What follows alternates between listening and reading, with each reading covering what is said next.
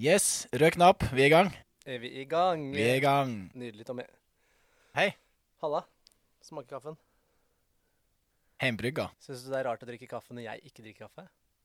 Eh, ja, men du er jo også sær. Nei, vi har fått min dose i Det, dag. det var ikke derfor. Jeg drakk eh, Og jeg dose. Jeg trodde Merka at jeg gikk rett i angrep. Jeg kjente at nå skal du gå til angrep på at jeg ikke syns kaffen din er bra nok. tenkte jeg.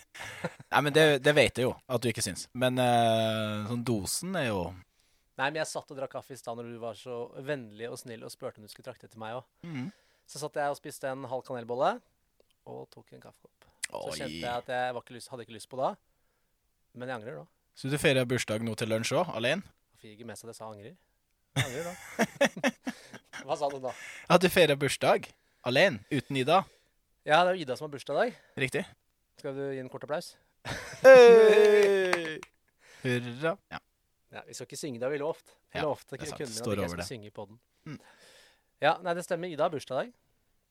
Artig. Så eh, var det et hint? Skal jeg fortelle om, uh, om noe? Nei, det var egentlig bare at hun hadde bursdag, og du spiste kanelbolle til lunsj. Vi gjør alltid det når en i familien har bursdag. Så starter vi dagen med kanelbolle og kaffe på senga. Deilig. Sånn er det i familien vår. Ja, jeg hørte her på um, hva det var eh, B-laget. Ja. De skjønner virkelig ikke det der med noe som helst på senga.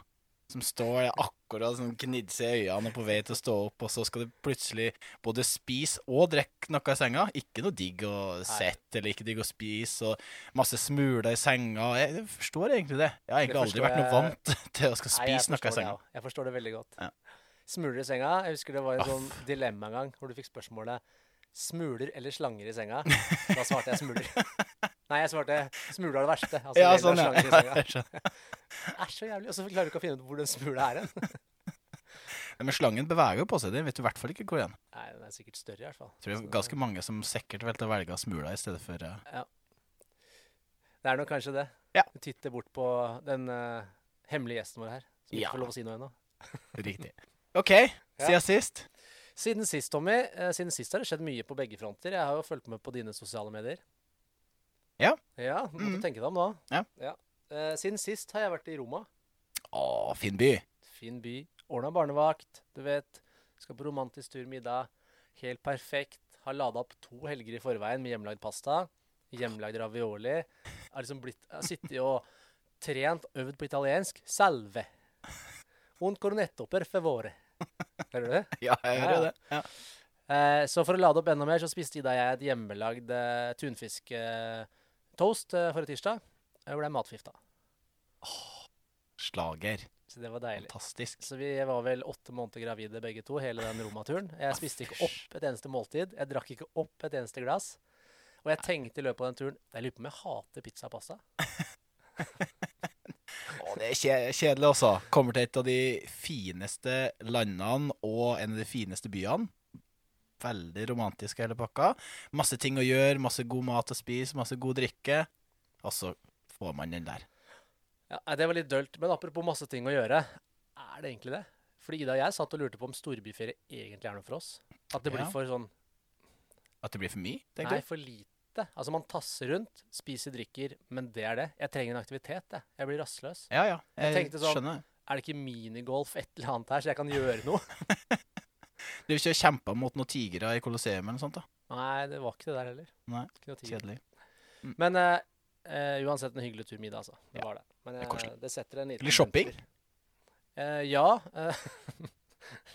Roma er ganske mye fete, fancy dyrebutikker der. Vet du hva jeg endte opp med å shoppe? Nei. Jeg kjøpte én ting på Sara.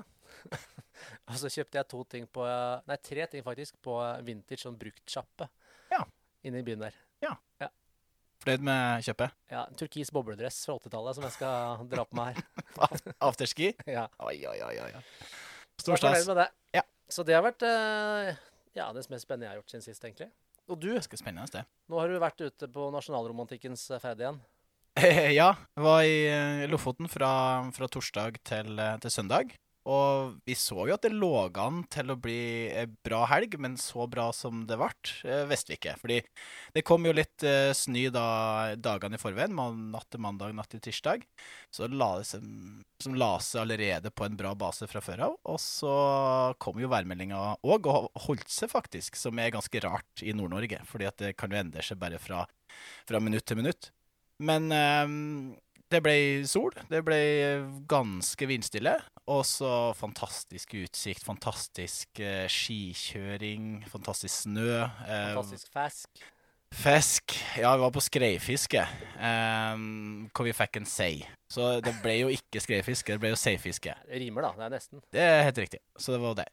Men kjempebra opplegg. Vi får jo på en sånn organisert tur. Eh, hvor vi bodde da på Henningsvær bryggehotell. Um, helt nede ved brygga, fantastisk utsikt. Og våkne opp til litt sånn uh, måkeskrik og den greia der. Er Ikke så digg når det starter i firetida, men uh, ja, ganske, ganske idyllisk. Og så var vi mye på klatrekafeen. Det var der vi hadde uh, alt av mat og middager og sånt. Sosial, fin, fin greie. Og så var vi på tur da Gikk et par topper per dag. Så to topper på fredag, to på lørdag. Er det tungt? Altså er det liksom Det vil jeg ikke si. Det, det går har i et gjort- jeg som aldri har gjort det før. Fordi jeg begynner å få litt sånn lysten på å teste ut det her nå. Ja, Men det, det, det bør du. greit. Det hadde du. Virkelig. Så det, det er jo egentlig Du ønsker jo å unngå å bli sliten. Fordi at hvis du blir sliten, og spesielt da varm og svett, så kommer du opp på toppen, og der blåser det kanskje litt mer enn det gjør lenger ned. Eh, og så skal du skifte, og så blir du våt, så er du våt, og så blir du kald, og så går det litt sånn om hverandre. Du ønsker å holde et ganske rolig tempo som gjør at du ikke blir, blir svett. Altså I motsetning til en vanlig fjelltur, så får du jo premien med å kjøre ned. Ja. Det er det som er kjipt med vanlig fottur. Du skal jo gå ned det forbanna fjellet Det er helt riktig. Ja. Så det er å yte før du kan eh, Eller ja, yte før du kan nyte, og så går det litt raskere ned da enn det skal, skal gå ned. Nei, fantastisk eh, tur. Det var masse artig vi fikk gjort. Møtte mye trivelige folk og ja. Er det offentlig, de andre eh, nyhetene også? Tenkte på leilighet. Ja? Ja, nå sa du det. Ja. jo da, det er jo offentlig.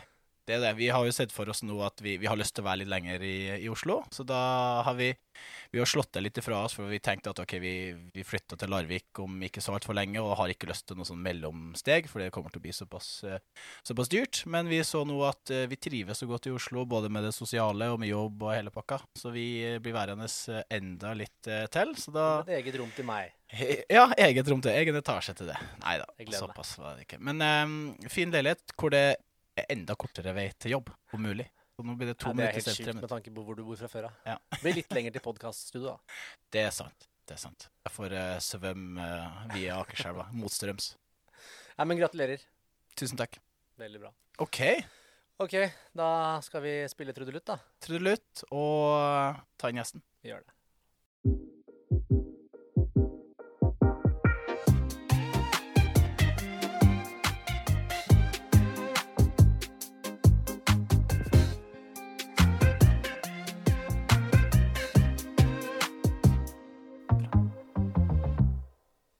Hei og velkommen til podkasten Litt for personlig trener. Dag Oi, det var nytt tonefall i dag. Hva det det? Litt sånn spørsmålstegn på slutten. Litt usikker på om podden heter det samme. Ja, vi har jo kanskje ikke endra noe siden sist, Nei. Vi hoppa over en uke, vet du. Vi spilte jo ikke inn forrige uke. Stemmer det. Ja. Litt, eh, litt russen, kan du si. Men Alex, er du klar for eh, dagens tema? Meget klar. Gjesten ser veldig imøtekommende og blid ut her. Hun er alltid veldig, veldig blid. Ja, hun er det. Jeg stoler på deg, for jeg er første gang jeg møter henne. um, ja, dagens tema kvinnehelse. Ja, det, Og- det var et lite tema. Ja, Eller er, det, eller er det stort? For jeg vet ikke. nei. Det, jeg tippa det. Vi får høre med gjesten etterpå, da, men Ja. det, det er jo ganske stort. Eh, og blitt større og større. Eh, vi er jo heldige å ha med oss en av de dyktigste i feltet, og en som jobber med det her eh, hver dag. Og det er jo supert. Ehm, velkommen, Helene Ausland. Tusen takk. Det var en veldig hyggelig intro, da. Ja ja, men det er akkurat sånn det bør være. Det er bare Eh, overfor hverandre vi ikke er så hyggelige. Helse-Helene på Instagram. Ja. Den spesielle, eller i hvert fall den faglige eh, jobbprofilen din. ja. Um, vi kommer til å spørre deg om ganske mye spørsmål her, men em, Skal vi sjå Jeg har jo skrevet ned ganske mye forskjellig, men først og fremst litt det her Det er spennende med ny kunnskap eh, rundt det her med kvinnehelse. Det er jo noe som har kommet mer og mer eh, i det siste. Som selvfølgelig er fa fantastisk. eh, Hvor vi både har mer forskning, vi har eh, mer kursing, vi har flere utdanninger. Så det her har gjort at det har blitt mer populært. Vi jobber litt mot eh, kvinnehelse, både der med trening eh, under graviditet, trening etter fødsel, eh, og så litt det som vi kommer til å ta opp litt mer eh, i, i dag, som jeg skal komme tilbake til. Eh, men det er også viktig at eh, det kommer ut informasjon, og spesielt for meg og Alex. da, Vi er jo personlige trenere, jeg jobber som terapeut, han jobber som mental trener. Så det er for menn òg, og skal kunne litt mer om det her. Og da Ja. Menn som da er trener i et idrettsperspektiv, f.eks. innenfor håndball eller eh, fotball osv., så, er det jo, det er jo veldig, veldig aktuelt. Og um, vi har jo tidligere hatt Pia Seberg inne, der vi har snakka litt om trening under fødsel. Ikke under fødsel, under graviditet. Den fødselen er nok mye trening i fra før av, men trening under graviditet eh, og etter graviditet. Og så har vi hatt eh, Gina inne, hvor vi har snakka litt om eh, menstruasjon og syklus og den delen der, eh, mot eh, trening. Så nå tenker jeg at vi, vi skal snakke litt om urinlekkasje, vi skal snakke litt om urininkontinens og stress. Urininkontinens. Ja, Bredt spekter her. veldig. Ja, hvor skal vi starte hen? Ja, det var et godt spørsmål. Skal vi starte litt med Hva, hva ser du mest av i um, di, ditt virke? Um, altså sånn alt rundt urinlekkasje er jo litt sånn, kanskje litt sånn gjemt, så man ser det kanskje ikke så mye. Mm. Så veldig ofte så opplever jeg at de kommer litt sånn underveis. Det er kanskje ikke det alle kommer til meg for. Men når jeg begynner liksom å spørre og grave, og liksom man, man skaper litt tillit da, med kundene, så kommer det gjerne litt frem. Eh, og sånn tror jeg det er for veldig mange. De kanskje trenger litt tid, og det er noe som er fremdeles veldig tabubelagt. Mm. Så det er derfor jeg syns det er fantastisk at dere vil prate om det. Også spesielt eh, også fordi at dere er menn, og at vi kan eh, ja, eh, snakke mer om det sammen, da. Det er det som er gøy. Og jeg sitter jo som vanlig som et bare blankt nysgjerrig ark her eh, og lurer på en del ting. Men eh, vet alle hva urininkontinens er for noe? Det var det første Det spørsmålet som kom i hodet. Ikke. Hadde dere visst om det fra før av? Ja, vi har nok, eller jeg har i hvert fall hørt eh, om det. Jeg har hørt om det, ordet, men, men, eh, jeg måtte jo lese meg litt opp. Jeg, jeg, jeg har lest meg litt opp de siste dagene. kanskje Ja. vi skulle starta der, Helene? Det er veldig smart. er. Eh, urininkontinens, eller kanskje om vi snakker mer om her i Norge, liksom eh, urinlekkasje, kanskje litt mer eh, folkelig, Mm. eh, er egentlig at man eh, sliter med da eh, urinlekkasje. Og da er det alt fra liksom noen få dråper til på en måte at man tisser seg helt ut, da. Mm. Eh, så det er veldig stort spekter der, og man har ganske mye sånn undergrupper under urinlekkasje, da. Eh, så kanskje den man ser mest av, er den eh, stressinkontinens. Eh, og det er mer den der, litt mer sånn hverdagslige sånn når man nyser og når man hopper eller skal eh, løpe fort til bussen, de der hverdagstingene som man kanskje eh, Ikke liksom eh, at det kommer så veldig mye, men lite grann. Kanskje såpass lite at mange er sånn Nei, men jeg har ikke urinlekkasje. Eh, jeg bare går med bind bare sånn på sikkerhets skyld hvis jeg må løpe til bussen. Litt sånn, eh, ja. Så den typen er kanskje den vi ser mest av, da.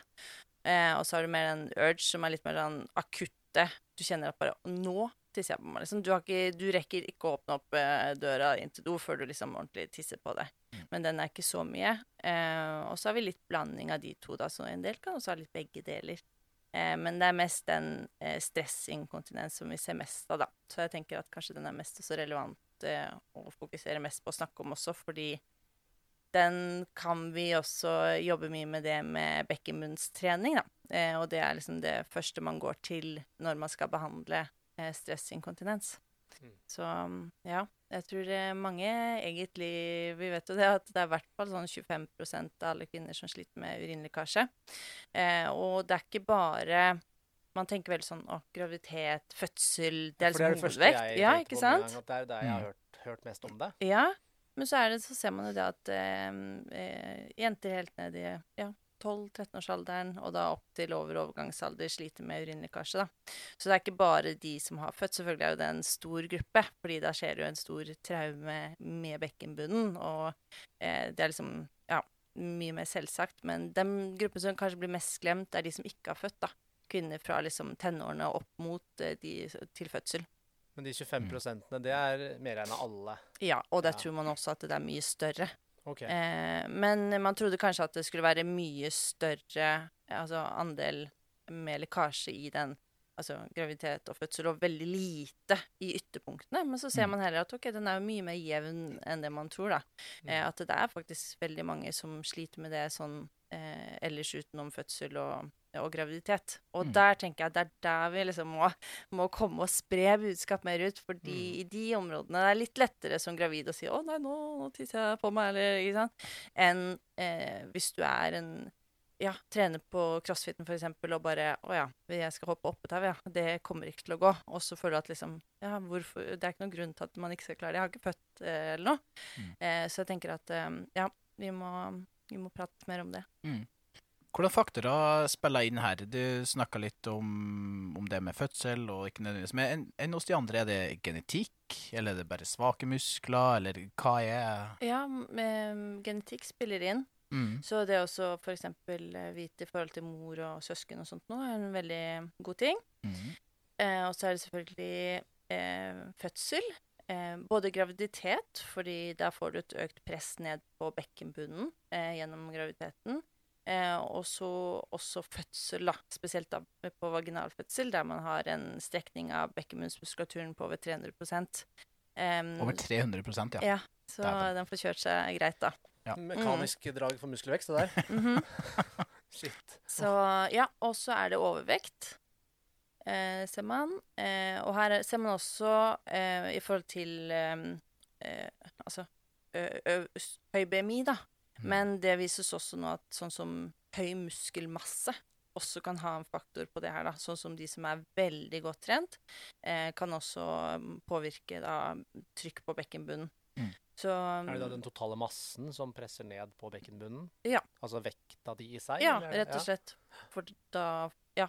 Så det er jo derfor også mange som kanskje er topptrente, har en høy BMI, Mm. men så er det egentlig mus muskelmasse, da. Mm. Men også generelt eh, overvekt, da. Man ser også sånn som eh, høyt eh, som Hvis du røyker mye, eh, og også eh, eh, alkohol. Ja, Det er mange, mange ting. Og det er sånn når du sier at det er 25% og det er mange mørketall, Mm.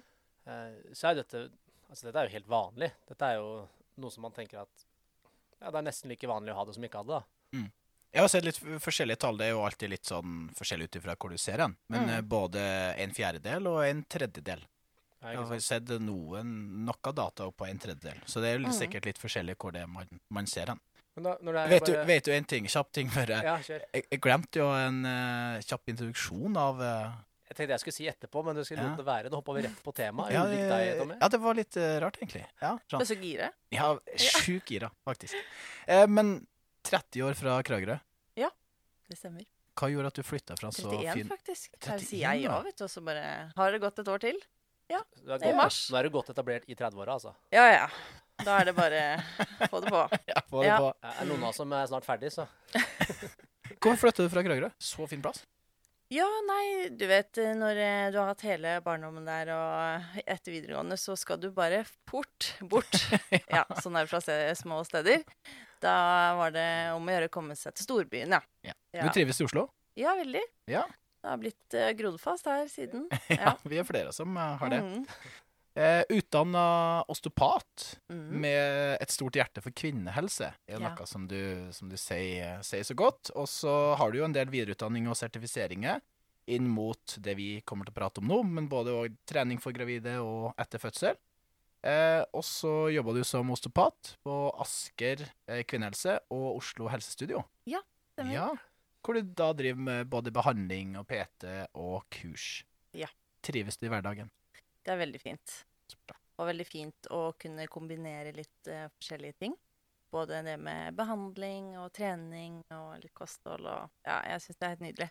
Det er en fin måte å kunne, føler jeg, da, møte pasientene mine og kunne bidra med mest mulig ja, kunnskap og kunne hjelpe. Så Mm. bra. Liker hverdagsaktivitet. Liker Ja. fjellturer, både sommer som vinter. Ja.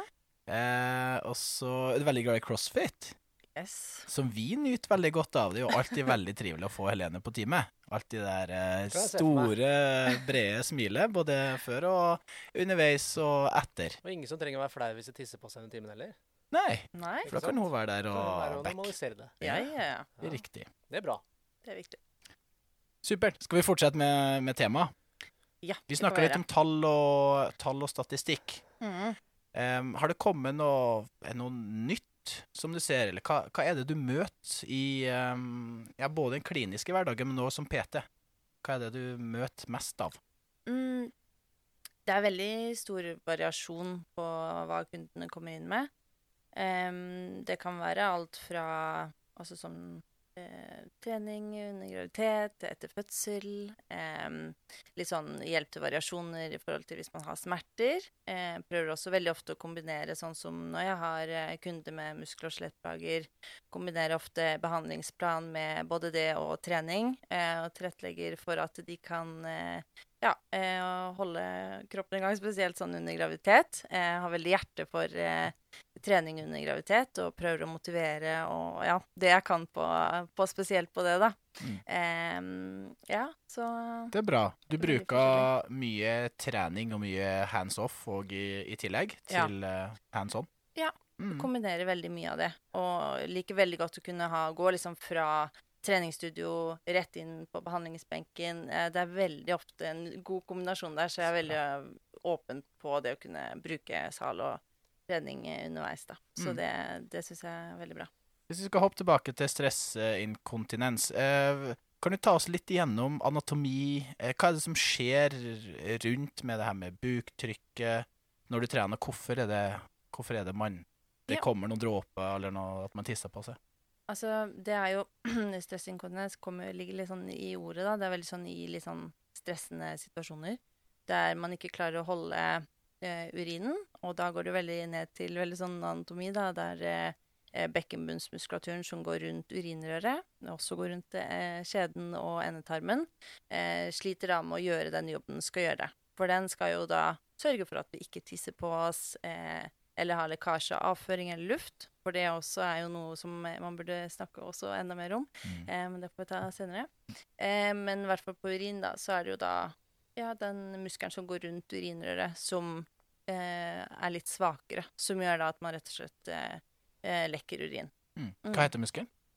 Eh, Svinkter eh, uretra, tenker jeg. Sånn er det å komme hit, da blir det anatomieksamen. Ja, men jeg Det er tilbake til skolebenken, Ja, det det der. er det. Men jeg blir veldig sånn nysgjerrig når du snakker nå, så sitter jeg og tenker du Det kommer litt i stressa situasjoner. Jeg husker jo da jeg spilte fotball. Ja. Så var det alltid sånn jeg skulle prestere. Alltid sånn fem minutter eller to minutter før dommeren blåste av, så var det sånn Shit, jeg må tisse. Så at Mm, når jeg ble litt sånn stressa og hadde veldig sånn høy spenning i kroppen, mm, da måtte jeg på do. mm, Uh, så klarte jeg jo da å holde Men jeg måtte på do. mm. Er det litt sånn litt det samme? At når du da når kroppen kommer i litt sånn fight flight og er litt stressa, så, så prioriterer jo ikke man akkurat det systemet der, og da må man veldig ofte på do. Mm. Er Eller man snakker om stressmage, Ja. eksempel. Riktig. Og det er jo da, hvis du da har en eh, muskel som ikke gjør den jobben den skal, at det, da de ulykkene skjer, da, på en måte. Mm. At du, enten om du tisser på deg, eller du får avføringslekkasje eller luftlekkasje. Og du kan jo tenke det hvis på en måte sånn for deg, da, at du klarer å holde, holde på det, men hvis du vet da selv at Oi, når jeg kommer i de situasjonene, så kan det godt være at jeg faktisk tisser på meg. For man har kanskje opplevd det tidligere. Mm. Og det stressnivået da som øker i kroppen, både det for redsel for eh, at det er synlig, f.eks. Man kan Mm. se at man lekker urin, eh, eller man kan lukte det. Eh, bare det å liksom ha det presset, da, det ser man jo påvirker ekstremt mye. Spesielt også det mentale hos mange, og som også da Mm. gjør at en del faktisk dropper å gjøre ulike treninger, konkurranser. Eh, spesielt av de stresspregede situasjonene der mange kan se deg, da. Det, det, det er jo likt som veldig mange andre situasjoner, da, som er typisk at du har erfart noe en gang, Sånn at du er ikke redder Det er ikke det at du stresser i situasjonen, men du stresser for hva du tror eller er redd for kan komme Ja. til å skje. Mm, Og så får du den fysiologiske responsen ut ifra det. da. mm, Det må være veldig ubehagelig mm. å ha den følelsen Å nei, jeg tør ikke, for tenk om jeg kommer til å tisse på meg. veldig. Og det er jo det har jo faktisk kommet litt ny forskning på feltet på akkurat det der. Og jeg har vært sånn heldig å få snakket med en ph.d.-student oppe på NIH. Kristina Kristina Lindqvist Skaug. Og hun er utrolig dyktig på det feltet her. Og hun eh, har vært så snill å sende over meg masse forskningsartikler, så jeg kan nøle litt. Grann. Eh, og hun har jo da vist annet på litt sånn eh, cheerleader og gymnaster at eh, det kom, forekom ganske høye tall på, eh, på lekkasje, da. Det var blant annet da så var det eh, av, av alle de som svarte på Det var en spørreundersøkelse, så var det 63% som opplevde lekkasje under og forbindelse med trening. Em, og da var utøverne fra 12 år oppover. Eh, og det som på en måte var det mest påvirket for de her, da, det var det at eh, det var frykt for synlig lekkasje. Mm. Eh, og det var liksom den høyeste som de utøverne selv eh, ratet, da. Og det med lukt og synlighet og ja, og redsel for at det skal skje igjen. Og da tenker jeg at eh, ja, der eh, er det virkelig sånn noe vi må ta litt eh, tak i. Og i hvert fall sånn når også i den forskningen her da, så kom det fram at eh, veldig få av de her visste hva bekkenbunnsmuskulatur var. Mm. Og vi vet jo det at eh, behandling av stressinkontinens, eller god behandling av det, er bekkenbunnstrening. Mm. Um, så tenker jeg den andelen her, den kan man virkelig få gjort en forskjell på, da. Og så tror jeg også at ja, nå er det her veldig spesifikt for noen toppidrettsutøvere, men jeg tror også det er veldig sånn gjenkjennelig i mange idretter. Eh, og det forskes jo veldig mye på nå også. Eh, og jeg tror sånn som på crossfiten og på andre også, sikkert sånn som fotball er mye brå vendinger. Det er liksom høy, eh, høyt trykk ned på buken, og Mm. spesielt da med eh, styrketrening og sånn. Eh, at eh, vi kan gjøre en god jobb på det å lære eh, disse kvinnene her om bekkenbunnstrening. Eh, fortelle hva det er, hva bekkenbunnen gjør. Eh, og, og eh, spesielt sånn hvis man jobber i ulike med, eh, som idrettslærer eller eh, rundt i ulike miljøer som eh, du møter eh, kvinner, da, alt fra ung alder. Det å kunne OK, nå skal vi ta en, eh, liksom, snakke litt om bekkenbunnstrening, da Mm. og hva det kan gjøre å forebygge. Også det at man er mer utsatt hvis man driver med eksplosive idretter. Eh, eh, og det at man vet om det. Hvis man også trener mer enn sånn fire ganger i uka, så har man en ganske mye høyere sannsynlighet for å få stressinkontinens enn de som eh, trener mindre. Også hvis du trener med vektbelastning kontra de som trener bare med kroppsvekt. da. Mm. Um, Er det fordi at du sliter ut eh, muskulaturen rundt eh, urinblæra? Ja, det blir så høyt abdominalt press, Ja. eh, og muskulaturen tar imot hele tiden, så den Mm. blir sliten. Og så har du kanskje ikke trent opp den, samme som du har gjort med biceps eller andre muskler. Mm. Eh, og da er det en muskelgruppe som hele tiden holder opp. Det er jo den hengekø i underlivet vårt. da. Mm. Så hvis den hele tiden må ta imot hver gang du skal ta en knebøy eller et hopp, da, Mm. for at ikke du skal lekke urin eller, eh, Mm. eh, eller avføringen luft, eh, så får jo den kjørt seg ganske mye. Og spesielt da hvis du trener tungt mange dager i uka. Er Ja, for det, det er jo noe Ja, du, det er jo muskulatur som du bruker veldig mye til vanlig og i hverdagen og, Ja. og sånt òg. Mm. Så det er jo det Det er ikke så ofte man tenker på at OK, i dag så må jeg få restituert bekkenbunnsmuskulaturen. Nei. Eh, fordi nå har jeg trent veldig tøft og sånt i det siste. Det er ting man egentlig bare tenker at OK, det, det går seg vel til på en eller annen måte. Men Mm. det er jo et kjempegodt poeng, fordi at uh, man er jo ikke noe sterkere enn den toleransen man har. Og så er det jo en toleranse man må øke, og mye av en trening av hvor liksom de globale musklene sikkert er såpass mye sterkere hos veldig mange, Mm. kontra da de litt mer lokale og de som ligger dypere. Mm. Så at man òg må gjøre denne bekkenbunnstreninga. Ja. Mm. Jeg, blir, jeg sitter og blir veldig nysgjerrig på eh, Det er kanskje vanskelig å vite, da, men uh, fordi det sikkert er mørketall. Vet vi noe om forekomsten sånn Er dette noe som er et økende problem? Tror vi at det alltid har vært en like stor utfordring for alle som det er i dag? Er det en større forekomst fordi det er flere som trener med altså, vekter og sånne type ting i dag? Har du noe, ikke sant? Mm. Vet vi noe om det? Ikke, jeg vet ikke. Men jeg tenkte litt på det, for jeg hørte på den episoden der dere snakket med Pia Seberg. Og da sa du eh, at Ja, men eh, de, har de trente jo ikke bekkenbunnsmuskulaturen eh, i gamle dager. Ja, ja. De må jo, det må jo ha jo gått bra selv om. Og så tenkte jeg da Ja, men eh, tenk hvor mange som bare tisset på seg, Mm. og som ikke gjorde noe med det. Det var jo samme som mensen før. De hadde jo ikke tamponger og bind, de lot det Mm. bare renne. Godt poeng, altså. Eh, ja, eh, og jeg tenker at liksom, vi har kommet så langt da, at eh, man tør å kreve litt mer, og man Mm. ser faktisk effekt. da. Ok, Du Mm. trener bekkenbunsmuskulaturen, du vet at muskelen blir sterkere. Samme som det å trene biceps, eh, vanlig styrketrening. da. Det har en effekt, og den kunnskapen tenker jeg bare kommer til å vokse og kommer til å også komme mer og mer om. da. Og ikke minst at kvinnehelse får litt mer eh, status og etablerer seg litt mer i samfunnet vårt. Kjempe, Ja, det er viktig. Det er et godt svar. Det er ikke alltid den derre Selv om jeg er veldig opptatt av savanne og utviklinga vår og sånn, så Mm. er det ikke alltid man skal se tilbake på hva man gjorde før, og at det er det beste. Bare fordi at vi overlevde på den måten. Så kan Ja. det jo være at ny kunnskap, ny forskning viser en annen vei, da. Ja, Mm. det tenker jeg i hvert fall sånn på kvinnehelse, da, som man ser har vært så nedprioritert i så mange år. Mm.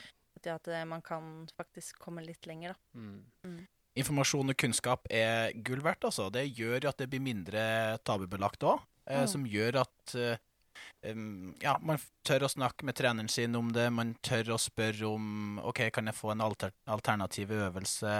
Og vi på, på boksen nå, vi I begynnelsen så, så tenkte man veldig lite om det i det hele tatt. Det med med å hoppe tau, hoppe på boks, eh, trusters, knebøy, så øvelser som skaper mye abdominaltrykk, eh, hvor det da selvfølgelig påvirka de her eh, veldig mye forskjellig. Og når vi ser da statistikken i en fjerdedel, en tredjedel, eh, så er det ganske mange der ute som, eh, som sliter med det. Um, og før så tenkte man OK, hvorfor skal du ha en annen øvelse nå enn hoppetau? Kan du liksom ikke bare gjøre single unders i stedet for double unders eller noe sånt? Men så, så begynner man jo selvfølgelig å tenke om økt kunnskap om informasjon og sånt, så det her er jo gull verdt for oss òg. Fordi, ja, vi tenker jo ikke at det er noe som er normalt, men som faktisk er det. Ja, og det er akkurat det der jeg tenker at liksom, når vi begynner å surre og tenke litt på de tingene der, så er det det Ja, hvordan skal vi møte disse kvinnene, da? Det Mm. er jo vi som jobber eh, ute på treningssenter eller eh, på crossfit-bokser eller i klinikk som faktisk eh, møter de, og da det å kunne være litt foran, da, fordi det sitter så langt inne. Det er tabu. Det er Mm. kjipt å si at nei, vet du, jeg tisser på meg, så jeg kan ikke gjøre den øvelsen der. Det skjønner alle, på en måte. Og da kunne være liksom føre var å si det at eh, her er alternative øvelser, så kan man velge. For det var også en del av noen av de forskningsartiklene jeg leste på at ok, hvordan kan vi tilrettelegge for at disse kvinnene skal få det bedre, og slippe å komme i sånne ugunstige ja, der man faktisk tisser på seg, Mm. så er det jo det å informere, si at vi har alternative øvelser, eh, komme de litt i forkjøp. Mm. Eh, også kanskje faktisk eh, ha noe sånn eh, ja, eh, samtale i forkant når man kommer på treningssenter og sånt, og der man kan fortelle om det selv, da, hvis de, hvis de klarer å si det, og da Mm. legge opp til et opplegg rundt det, det med bekkenbunnstrening. Eh, ja, hjelpe de gjennom det her, da. Mm. For Mm. man ser en sterk korrelasjon mellom eh, svak bekkenbunnsmuskulatur og urininkontinens. Ja. ja. Eh, Gjelder det alle? Eller er, kan det være traumer og sånt, og hvor man da kan trene bekkenbunnsmuskulaturen til at man ser mann med ljåen, og så har det egentlig ingenting å si? Um, altså, traumer er jo de, de største faktoren, da, sånn som Mm. fødsel, eksempel. Mm. Uh, og um, da vil jo opptrening av muskulaturen på lik linje som annen eh, rehab-trening være. Mm. Um, og så kan man jo selvfølgelig trene muskulaturen uten å få så god effekt, uh, hvis man annet kanskje ikke helt vet hvordan man gjør det. Mm.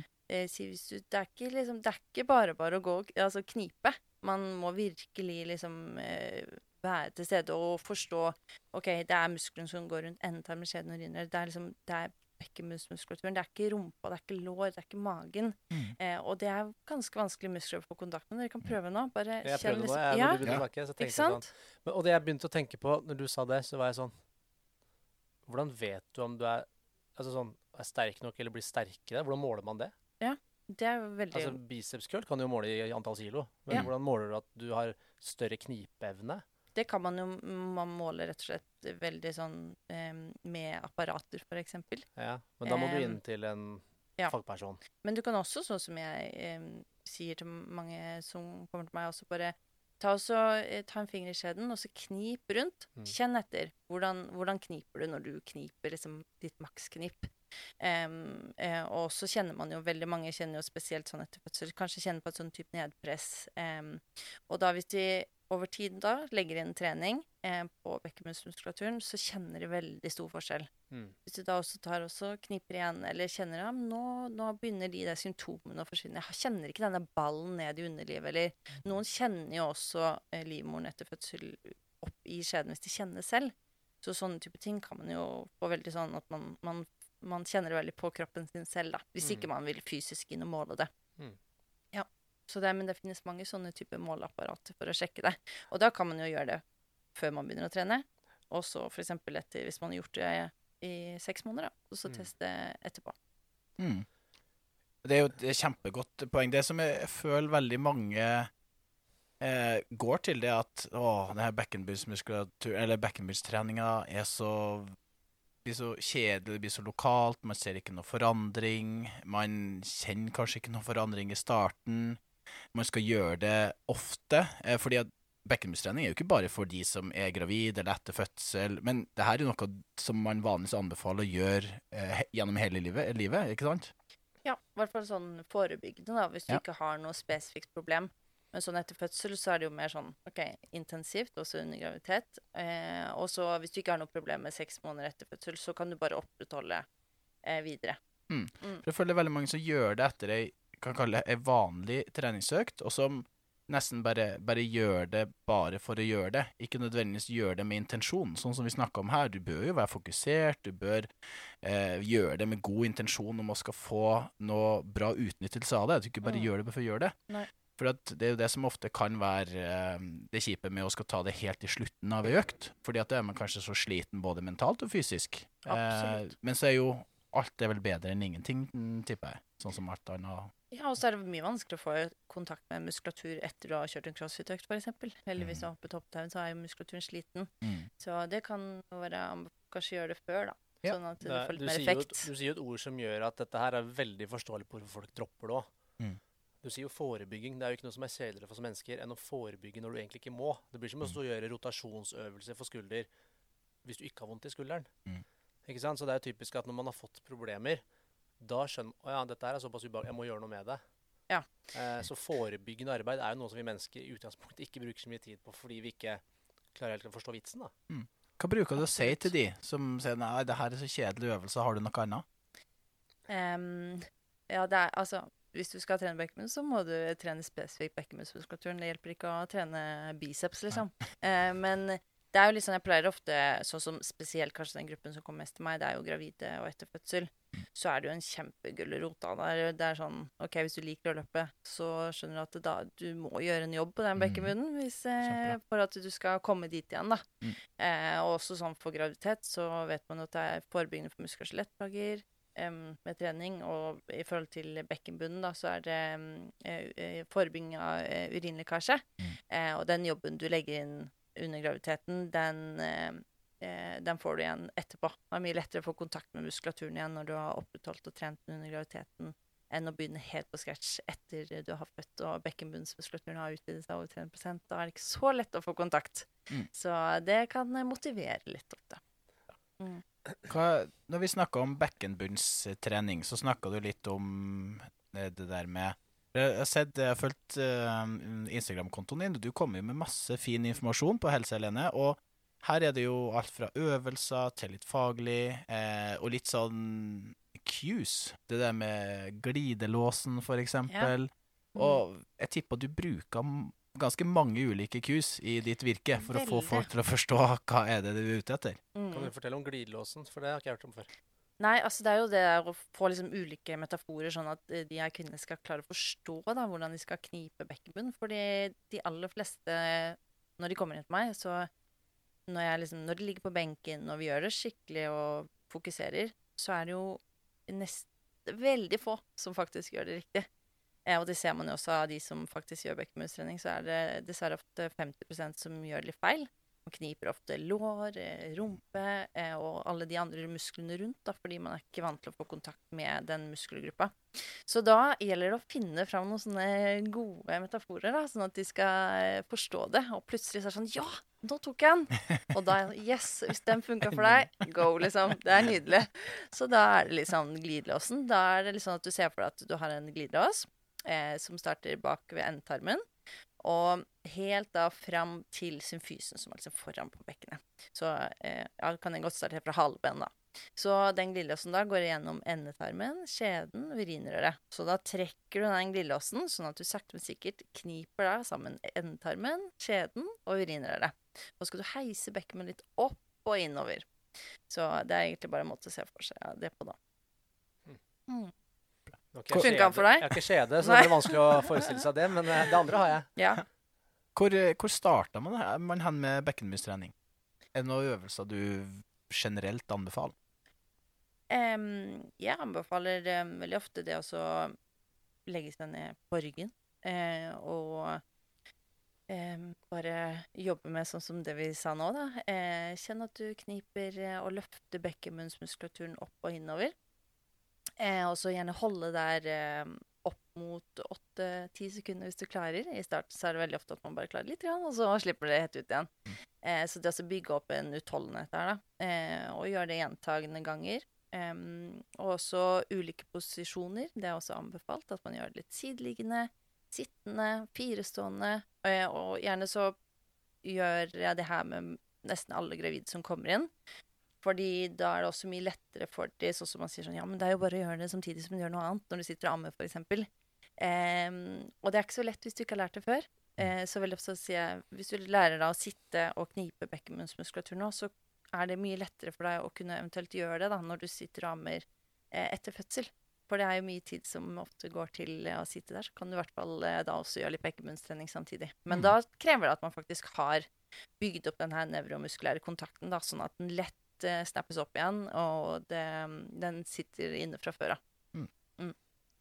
Eh, hvor ofte, hvor mye Um, sånn etter fødsel, da, fra, hvis du er førstegangsfødende, fra eh, tredje trimester, at du eh, gjør det daglig. Eh, at du kjører vanlig styrketrening, da. Eh, så da er det Jeg pleier veldig ofte å kjøre litt, både litt styrke og utholdenhet. Um, så da er det litt sånn ut, ut fra at man holder på utholdenhet, holder fra eh, 8 til 10 sekunder med sånn 50% av maksknip.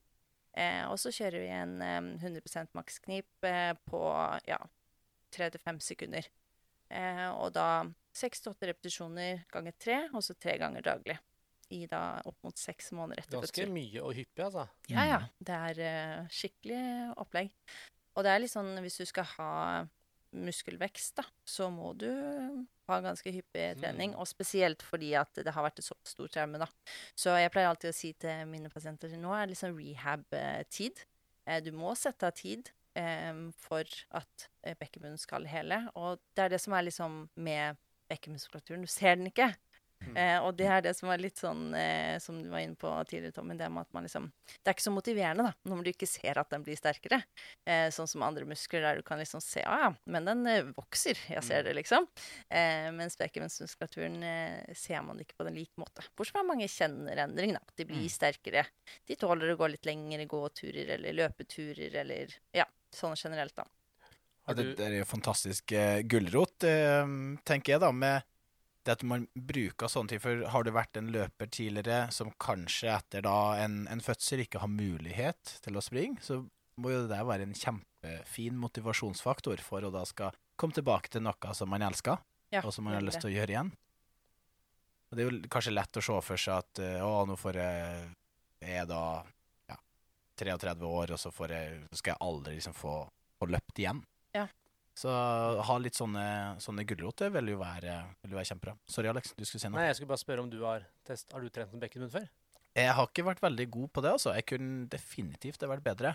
Det er sånn man har hørt at man skal kutte strålen, og så slippe det igjen, og så kutte strålen, Du har så gjort det litt for tull sånn i guttegarderoben. Litt eh, tull, men noen ganger òg litt sånn med, med intensjon om å være litt seriøs. Jeg tror jeg trente bekkenbunn ganske bra en, den ene dagen i Roma, faktisk. Ja, når du kasta opp, tenkte jeg bare. Nei, jeg kasta ikke opp. Du kan tenke deg. Jeg sa bekkenbunn. Ja, jeg hadde, var i matforgifta, så det var et par ganger jeg skulle trene. Ja, Ganske, sånn. var utholdende jeg drev med da. Ja, utholdenhet. ikke Ja. sant. Men du, ap og apropos det, det er jo på, nå, nå snakker vi om jenter og kvinnehelse. Mm. Er dette her noe som er utbredt hos menn også? Ikke så veldig. Og det er litt mer pga. anatomien, da. Mm. Um, eh, så kommer dere litt billigere unna på akkurat det der, Men for, forekommer det sånn Ja, og da kanskje litt mer i forbindelse med sånn som eh, prostatakreft og eh, sånn type Ja, litt andre forutsetninger, da. Men, For det har vi jo hørt om. Det, snak, det Mhm. snakkes jo i hvert fall mer og mer om det også, som alt mm. annet. At det blir åpent og prater om det at med at prostata forstørres, så er det en del som menn også som lekker litt. Og, Ja. det stemmer. Mm. Og da kan jo også de trene opp bekkenbunnen, da, men da er det ofte også medikamentell behandling eller andre type behandlinger for det, da. Mm. Eh, og så er det også sånn for både menn og kvinner, sånn hvis man sliter mye med forstoppelse, så blir også det veldig økt press i underlivet, og det kan også være en, en faktor, da. Em, Mm. Så tenkte jeg litt på Vi snakker jo om det her med det med å hva skal jeg si, komme litt i forkjøpet, som du sa i stad. At man eh, snakker litt om det, normaliserer det for, eh, for både om si, medlem på CrossFit eller kunder eller andre. Eh, eller på idretten så ble jeg sittende litt og tenke hvordan jeg som mann skal Mm. angripe det hos en Mm. kvinne. Uh, nå, er jeg ganske, nå kan jeg prate ganske åpent om ganske mye med, med kundene mine, sånn sett, men jeg tror mange vil synes det er litt ubehagelig som mann å skulle plutselig begynne å snakke, fordi at uh, du som kvinne vil jo ikke tenke at jeg forstår den biten. Mm, Det skjønner jeg. Og jeg tenker kanskje at også det kommer litt sånn uventet, kanskje. At det er litt der, at vi er Ja. ikke vant til at kanskje menn tar tak i det. Men jeg tenker at de aller fleste vil bare bli veldig Altså føle seg veldig ivaretatt Mm. hvis man faktisk tør å ta det spørsmålet. Mm. For det mm, Ja, det tror jeg virkelig, altså. Så jeg tror ikke man skal være redd for å spørre, og eventuelt eh, ja, komme med noen Altså eh, bare komme med noen sånne råd eller sånn innimellom. Hvis man på en måte tenker det, så vil jo også de kanskje komme til deg og de fortelle om det også.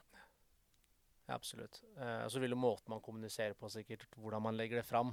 Mm. Eh, men jeg så også for meg en litt sånn situasjon, i hvert fall i dagens samfunn, hvor, hvor ting er som det er. Vi er veldig var ikke sant, på en del ting, eh, på godt og vondt, tenker jeg.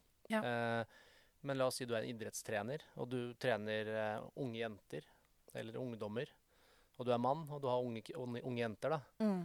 Ikke sant? Det også er litt sånn OK, hvordan skal jeg ta opp dette? Det er kanskje flaut. eh, vi vil normalisere det. Uh, om man skal ta inn en ekstern som kan snakke litt om det, og så er det da på en måte åpent for Ja, det tenker jeg kan være en kjempefin ting. Mm. Og for eksempel inn da Hvis man selv syns det kan være litt sånn vanskelig i forhold til relasjon, så få inn en ekstern som kan komme og snakke litt om det. Og snakke åpent om det.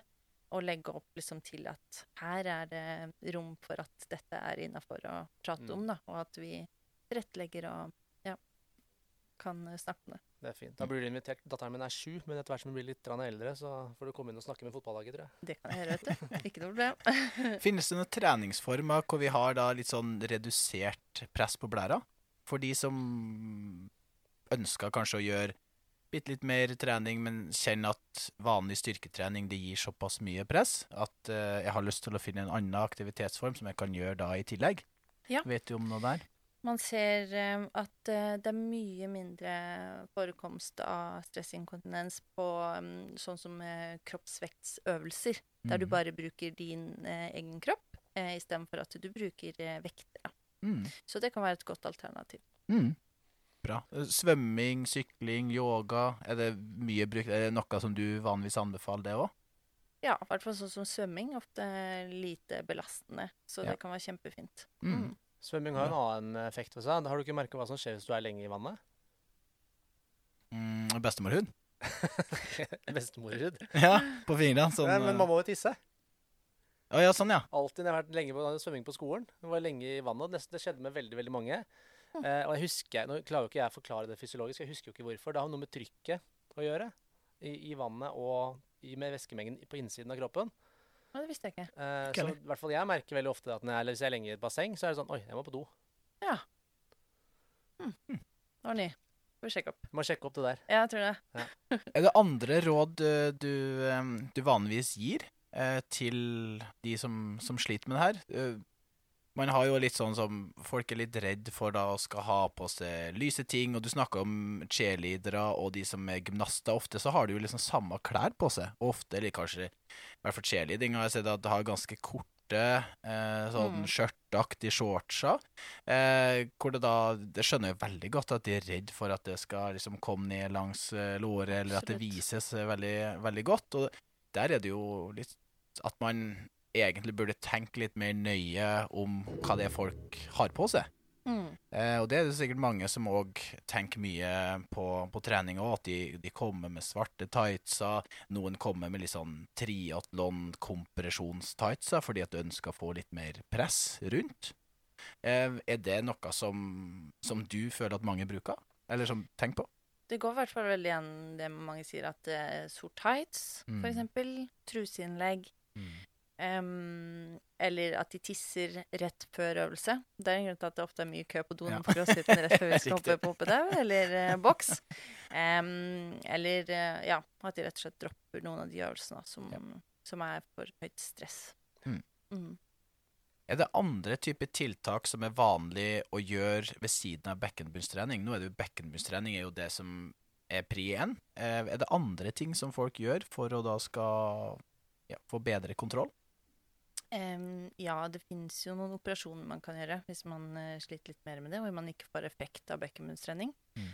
Da tenker jeg da bør man ta det videre, Uh, og man kan um, ja, ha ulike operasjoner som, uh, som kan gjennomføres. Også medikamentell behandling. Mm. Mm, så er flere alternativer enn bekkenbunnstrening hvis det ikke funker for deg, da. Ja, absolutt. Men bekkenbunnstrening er vel ikke fånyttes uansett? Nei, jeg altså tenker bra. at det er det første man får anbefalt. Ja. Eh, og det er også ganske sånn eh, Ja, noe alle kan få til og kreve krever bare egen innsats. Sant. Hvor lenge bør man holde på med bekkenbunnstrening før at man kanskje tar en, en time hos en lege eller gynekolog eller lignende?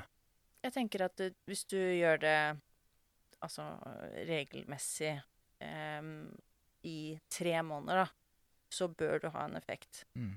Så ja. Mm. Sa du noe du nevnte i stad, trenings, altså anbefalinger, som Tommy spurte om. Og da nevnte du spesielt etter graviditet. Mm. Eh, Er det samme anbefalinger for å øke altså muskelmassen der og styrken hvis du ikke er gravid? Eller har vært gravid? Um, da um, har jeg hørt at det å holde det til sånn tre ganger ukentlig, Mm. med da at du har fullt fokus når du gjør treningen, bør holde. Så det kan være en fin anbefaling til folk flest, da. Ja. At man gjør det tre ganger i uka. Ja. Og legger det inn som en del der. Absolutt. Og så at det kanskje er litt som alt annet, at vi gjør det i hvert fall én til to ganger i uka som vedlikehold når du har kommet dit du ønsker å være. Ja, og så er det jo sånn at du skal jo ha en effekt av den eh, jobben du gjør, og muskulaturen skal jo vedvare på en måte den styrken. Eh, og så, så da trenger du ikke å fortsette med det så jevnlig som det du har gjort før, men da kan du vedlikeholde en gang, i hvert fall i uken, da. Mm. Eh, og ikke liksom trenger ikke å gjøre den intensive jobben videre. Det tror jeg er greit for folk å vite. At de ikke trenger tre ganger om dagen eh, Ja, seks dager Det i uka. er litt intensivt. Mm. Har du noe mer eh, informasjon til oss fra liksom, forskninga som du har fått? Var det litt Ja, av det det var jo også um, Altså, nå er jo vi litt sånn innen den eh, crossfit-verdenen, da, så vi syns jo det er litt sånn ekstra gøy. Så jeg fikk tilsendt en, um, også en, um, en artikkel på det med crossfit, da. Og nå kan jo dere gjette hvilke hvilken eh, tre øvelser tror dere er på topp innenfor crossfit i forhold til urinlekkasje og stressinkontinens. Kan jeg starte? Ja. Eh, da tippa jeg hoppetau Ja. i en eller annen form. Og så er det nå hopping på boks, sikkert. Og så er det en eller annen som gir det nedpress og mye abdominaltrykk. Eh, trusters, kanskje. Det, er alle de er på, det er liksom double unders som er liksom eh, på topp, og så er det single unders. Ja. Så hoppet er generelt eh, på toppen der, og så er det um, hoppe på boks. Og så Ja. kommer trusters og sånne type øvelser etter det. Ja. Mm. Traff vi, Alex? Ja, det var bra. Ja, du spurte om du kunne starte. Jeg fikk aldri fortsatt. Du, du sa clean, da. Ja, Men den var jo ikke der. ja, men den er jo sikkert der. Du hadde sagt de andre. Det er en ganske lik en Chester, da. Ja. Um, supert. Hva, for at vi, vi snakka litt om de her tiltakene. Bekkenbustrening 1, eh, elektrostimulering. Er det noe som blir brukt? Det blir også brukt. Ja. Det, um, det forskes eh, litt på, men det er okay. ikke sånn kommet sånn altfor mye sånn gode svar på hvor god effekt det har ennå. Men det blir brukt, og flere som syns at de har effekt av det. Hva gjør man da? Eh, da kan du bruke en sånn eh, plobe som du tar inn i eh, skjeden. Mm. Eh, og så er den koblet da opp til en sånn maskin, som da kan se på en måte både hvor, hvordan du kniper Ja, både hvileaktivitet, men også når du da strammer, da. For det er jo også en ting det at man skal klare å slappe av i bekkenbunnen når Mm. man ikke Mm. eh, styr, altså, jobber med den, da. Ja. Så det er også på en måte det å finne en eh, god hvilebalanse i muskulaturen, men også da toppstyrke, da. Eh, så det brukes da til rett og slett til at eh, muskulaturen strammer seg, men når man får sånne små sånne elektriske altså støt, sånne sammentrekninger. Eh, så da går muskulaturen sammen, og så slapper den av. Og så stilles den inn ut fra deg og ditt behov, da. Ja. Mm, og da kan du gjøre det her hjemme, da. Og da er det liksom eh, daglig trening med den over en litt tid, da. Ja. Mm. Og jeg har jo veldig mange ute etter sånn type quick fixes. Det ser vi jo i vanlig trening òg, at man har lyst til å gå inn med noe kortison, eller man har lyst til å gjøre noe injeksjon av noe slag. Og her er det jo òg eh, sikkert grunn av det der, at mange ønsker quick fixes. Eh, og Er det nå du skal foreslå anabole steroider? Nei, ikke akkurat. Nei, okay. Eh, men bulkamid, hørt om det? Nei. Nei, det er, en, det er i hvert fall en injeksjonsbehandling som, eh, som blir brukt litt for stressinkontinens. Det, Denne geleen. ja, det er sånn volumøkende fyllstoff. Eh, som, Anabole steroider, altså. Bulkamid.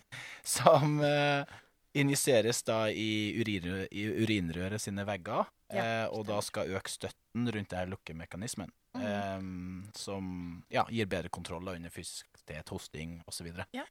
Så det virka å sikkert være litt, og at mange, mange tyr til det. Og så snakka du litt om denne operasjonen, da, den TVT. Eh, Ja. Riktig. Tensjonsfri vaginal tape. Var det? Det er i hvert fall sånn bånd som man legger rundt urinrøret. Som heiser litt opp. Man kan Ja. også sette inn en sånn, eh, sånn, eh, så, sånn støtte inn fra skjeden som støtter opp urinrøret. Som eh, når man f.eks. gjør ulike aktiviteter da, som gjør at eh, man ikke tisser på seg.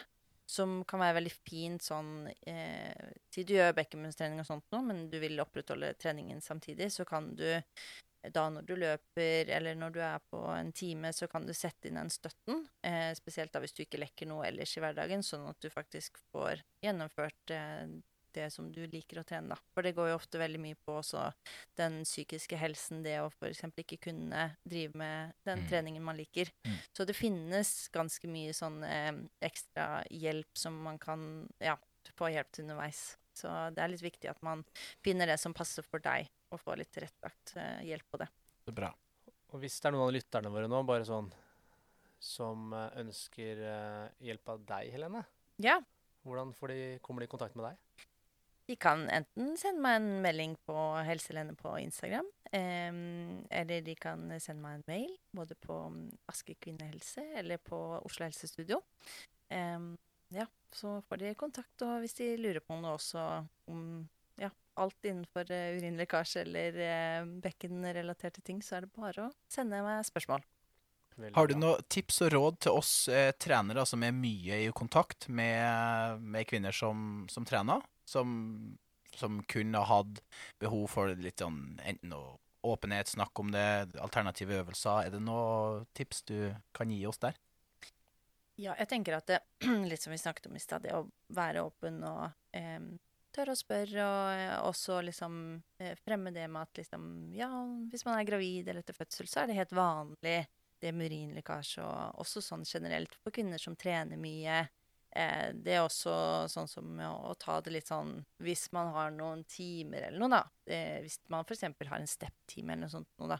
Nå går kanskje ikke de som har mest urinlekkasje på step-timer, akkurat, men det går an å si at liksom Hvis eh, du sliter med noe nedpress eller eh, smerter i underlivet, så kanskje du kan du heller gå opp og ned på steppen istedenfor å hoppe.